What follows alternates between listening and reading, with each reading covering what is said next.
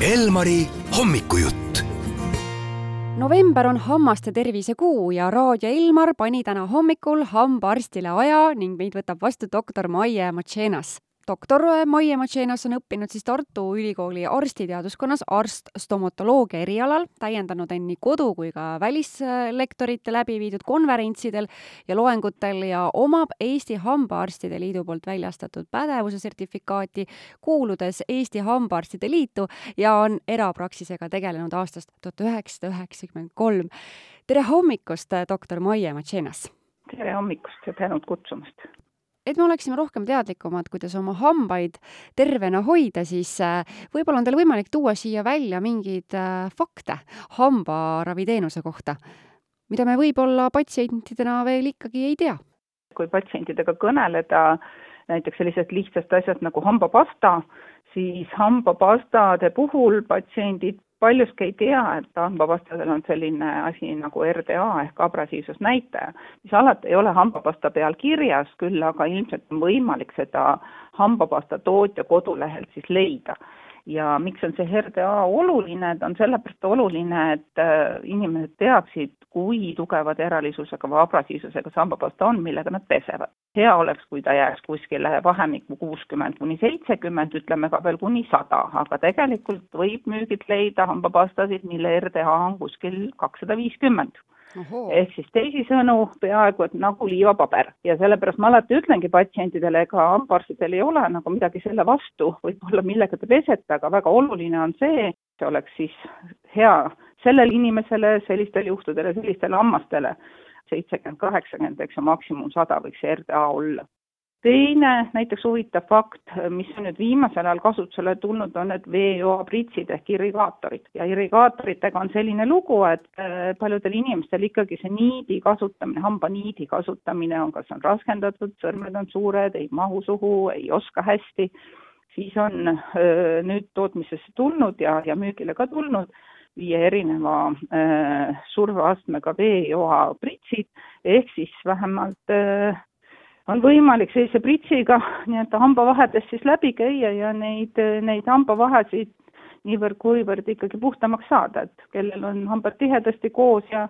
ja, ja nooremad inimesed näiteks aitab niiditamine ka hästi, kui seda osata õigesti teha, aga kui on juba sillaalused, ütleme, igemed natuke taandunud, siis võib-olla niit ei võta alati ka päris hästi kaasa kõike seda, mis hammaste vahel on mm. -hmm. et see on selline nagu vesi, millega siis nagu hambavahesid puhastada, et niisugune väikene seadel, mis tuleb osta siis, jah? just, just selline aparaat, pisike, mis mahub kätte, sinna läheb kuskil sada viiskümmend milliliitrit vett sisse ja mis ma olen soovitanud veel peale seda, kus selle veepritsiga on puhastatud, siis näiteks suuveega veel suu üle loputada, antibakteriaalse suuveega ja, ja siis on ka jälle parem ja mõnusam võimalus nii-öelda hooldada öö, oma hambaid ja igemeid ja hambavahesid. ja ütleme, kui nüüd valikuks võtta, siis võtsin kolmandaks valikuks öö, ai tarkvara, et mm -hmm. töötame praegu no ütleme nii, et ikkagi ta on abistav selles mõttes, et töötame praegu koostöös ühe hambaraviprogrammi noh, meil on Eestis kaks hambaraviprogrammi eh, edastajaga ja oleme taga nüüd esimesed katsetused teinud, sest ega ai tegelikult iseenesest ei diagnoosi nüüd midagi, ikka arst teeb staatuse, aga kuna teda on õpetatud rohkem kui kümne tuhande pildi pealt otsima üles probleeme, siis ka arstid on inimesed, see on arstidel tulevikus võib-olla abivahend, et, et esiteks loeb ai selle pildi ära, vaatab siis ühesõnaga märgib arstile ära, et võib-olla äkki on siin mingi probleem, võib-olla äkki on siin, noh, mine tea, võib-olla see ikkagi kaks pead on nagu kaks pead ikka ja ma usun, et kindlasti see ikkagi on abiks ja me üritame oma varsti avatavas uues kliinikus seda ka kasutada. kui nüüd räägime hammaste valgendusest, et kui keegi on nüüd kaalumas, noh, kuulaja, keegi mõtleb, et tuleks, tahaks ära teha, et mida teie sellest arvate? Väga aktuaalne teema ja paljud inimesed seda küsivad, et kui ma tahan teha, kuidas teha õigesti, siis tegelikult kõige õigem arstlik soovitus on alati seda, see, et kõigepealt küsi oma arstilt, sest ainult spetsialist oskab hinnata sinu hammaste seisundit. see, et inimesele tundub, et tema esihambad on ju suhteliselt ilusad ja suhteliselt korras, ta ei pruugi alati osata näha mingisuguseid väikseid kulumiste efekte, mingeid hõõrdumisi, mingeid hambaemaili kahjustusi et see on esimene asi. siis me palume alati patsientidel äh, teha hambapuhastuse, ehk siis on ta siis erblõu, pärlipesu, noh, tal on mitu erinevat nime, aga põhimõtteliselt nagu soodapuhastuse. Ja soodapuhastus eemaldab hammaste pealt juba sellised toidujäägid, võib-olla mingi katukorra ja mõned inimesed ütlevad, et ma ei tahagi nagu päris valgeks valgeks, ma tahaks nagu natuke, et oleks heledam, siis tegelikult kui hambaemail seda võimaldab, on võimalik ka ütleme, selliseid professionaalseid natukene hambatooni siiski muutvaid hambapastasid soovitada. järgmine samm sellest on siis ütleme, minna valgenduse peale, kui tõesti inimene soovib, et ei, ma ikka soovin valgendada, siis me räägime, et tegelikult see ikkagi tähendab elustiili muutust. et kui ma täna valgendan hambaid ja siis homme ja ülehomme joon seda punast veini uuesti või, või söön musti rusikamoossi või, või, või joon kohvi, nii et kohvitass on käe küljes kinni kogu aeg, ega siis see valgendus loomulikult ei püsi, sest see parkainete hulk ikkagi ladestub hammaste peale tagasi. see tähendab seda, et siis, kui ma kasutan pigmenteeruvaid toiduaineid, siis ma kas loputan, kas ma kasutan pärast hiljem hoolduseks mõeldud valgenduspliiatsit, millega ma käin siis need hambapinnad uuesti üle või ma siis piiran nende parkainet, parkaineid sisaldavate toiduainete tarbimist ja nii edasi nii edasi. protseduur iseenesest on arstina rangelt soovituslik läbi viia ainult hambaravikabinetis. sellepärast, et kõik need valgenduskeelid, materjalid, kõik need sisaldavad mingil määral, on ta siis vesinikperoksiidi, karbamiidperoksiidi, ja sellistes kohtades teha valgendus, kus ei ole võimalik süljeimuriga näiteks sülge ära imeda ja inimene neelab seda äh, söögitorus alla või siis on kodused valgenduskeelid, kus võib kümme-kaksteist tundi käia selle kapega ja kogu aeg neelata seda alla. mõelge ise, söögitorus me kogu aeg neelame alla sööritavaid aineid. see ei ole väga hea mõte, ütleme ausalt ei ole jah, ei ole vot selle peale tulnudki, et võiks, võiks hoopis sealtki probleeme tegelikult tulla. jah, et selles mõttes hambaravikabins esiteks hinnatakse hambaemaili seisund, teiseks pannakse igeme kaitsmeks kõik see, mis nagu kipub või tahabki üldse sinna kurku minna, pestakse pärast korralikult maha see, see valgenduskeel antakse kaasa valgendussüsteemi toetavat pastat, sest valgendamine alati kergelt ikkagi nagu söövitab hambaemaili, seal on eraldi pastade süsteem, kus on juba sees kolmkümmend protsenti ksülitooli, hüdroksüapatiit ehk uuesti hamba ehitusmaterjali. et mujal maailmas aastakümneid hambaid valgendatakse, kui seda targalt teha, siis tegelikult äh, see ei riku hambaid, ütleme nii, ta mõjutab hambaemaili jah, aga kui seda äh, õigesti ei tehta, siis võivad tagajärjed olla väga kurjad no siis saime siit juba nõuande juurde, et kui kaaluta, siis hambaravikabinetti minna selle küsimusega. hambaravi muidugi jäetakse pigem sellisele viimasele hetkele, hoolimata hammaste halvast seisust, siis raviga ei alustata, lisaks peetakse seda ka veel hirmkalliks, aga ometi leitakse alati näiteks raha puhkusereisiks, et kuidas teile tundub, et kas on märgata mingit muutust ja uus põlvkond peab hambatervist märksa olulisemaks? No kindlasti jah, sest meil ikkagi nüüd on äh, natukene just nagu laias laastus kaks erinevat generatsiooni siiski, ütleme selle Eesti Vabariigi generatsioon noori inimesi, kes nüüd kuni ütleme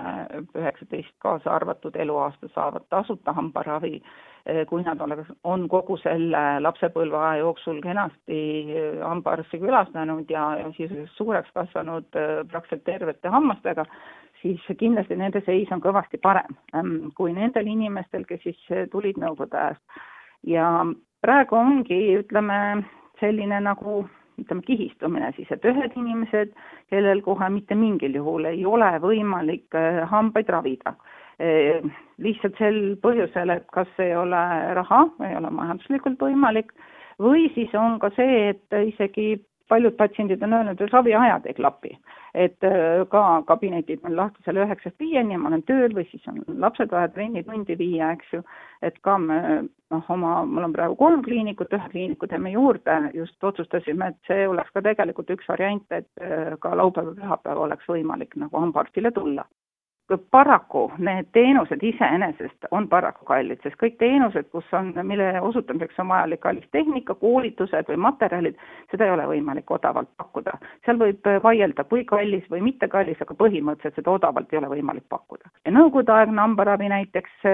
mis oli omal ajal just nagu kättesaadav, aga see kvaliteet tänu sellele, et see tegelikult oli püütud teha väga odavalt, sest kallilt ei ole riigil või ei olnud, ei olnud võimalik seda siis ilmselt nagu endale kohustuseks võtta, oli see hambaravi üks, ühteviisi kehv. ehk siis inimesed neljakümnendaks, viiekümnendaks eluaastaks olid sisuliselt kõik juba proteesikandjad või väga suur osa oli neid juba kaotatud hambaid, sellepärast et juureravi ei olnud heal tasemel, kui hambaga midagi juhtus, valutas, tõmmati välja ja tänapäeval on, ütleme siis täiskasvanute see hulk inimesi kõige kehvemas seisus, kes siis on tulnud Nõukogude ajast, eks ju, kes juba siis ei saanud head hambaravi, kellel praegu ei ole võimalik kas siis rahaliselt või tööajaliselt hambaarstile pääseda. Ja kuna praegu riigipoolne osalus on see kuuskümmend euri, noh, tegelikult on see nii kalli eriala puhul peaaegu olematu, noh, see on sisuliselt konsultatsiooniraha, eks ju, mhm. siis nende, nende inimeste hulk on kõige raskemas seisus, aga ütleme, mm, lastel näiteks positiivne on see, on Tervisekassa tugi, aga me tajume ka seda, et isegi siis ei käida lastega arstil või ei saadeta lapsi arstile, tähendab laste osakaal äh, hambaarsti külastuses võiks olla öö, äh, oluliselt suurem. Sisuliselt äh, noh, nad peavad käima ainult sisse-välja, nad ei, ei saa ühtegi raviarvet, sest raviarvet tasub Tervisekassa, eks ju. Ja noh, nagu ma ütlesin, need vastuvõtuajad, et nende vastuvõtuaegadega, nendega me siis proovime vähemalt omalt poolt anda nagu sellise panuse, mõned öö, kliinikud kindlasti igas linnas või keskuses on, eks ju, kelle raviajad on ka natuke pikemad ja see, seda reeglina usinasti kasutatakse.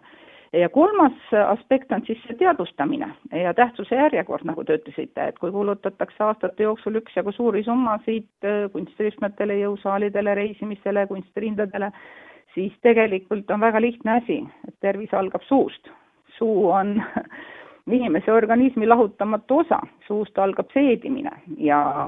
kõik see ilu, väljanägemine, nahatervis, kõik see tegelikult algab sellest, kuidas me omastame toiduained.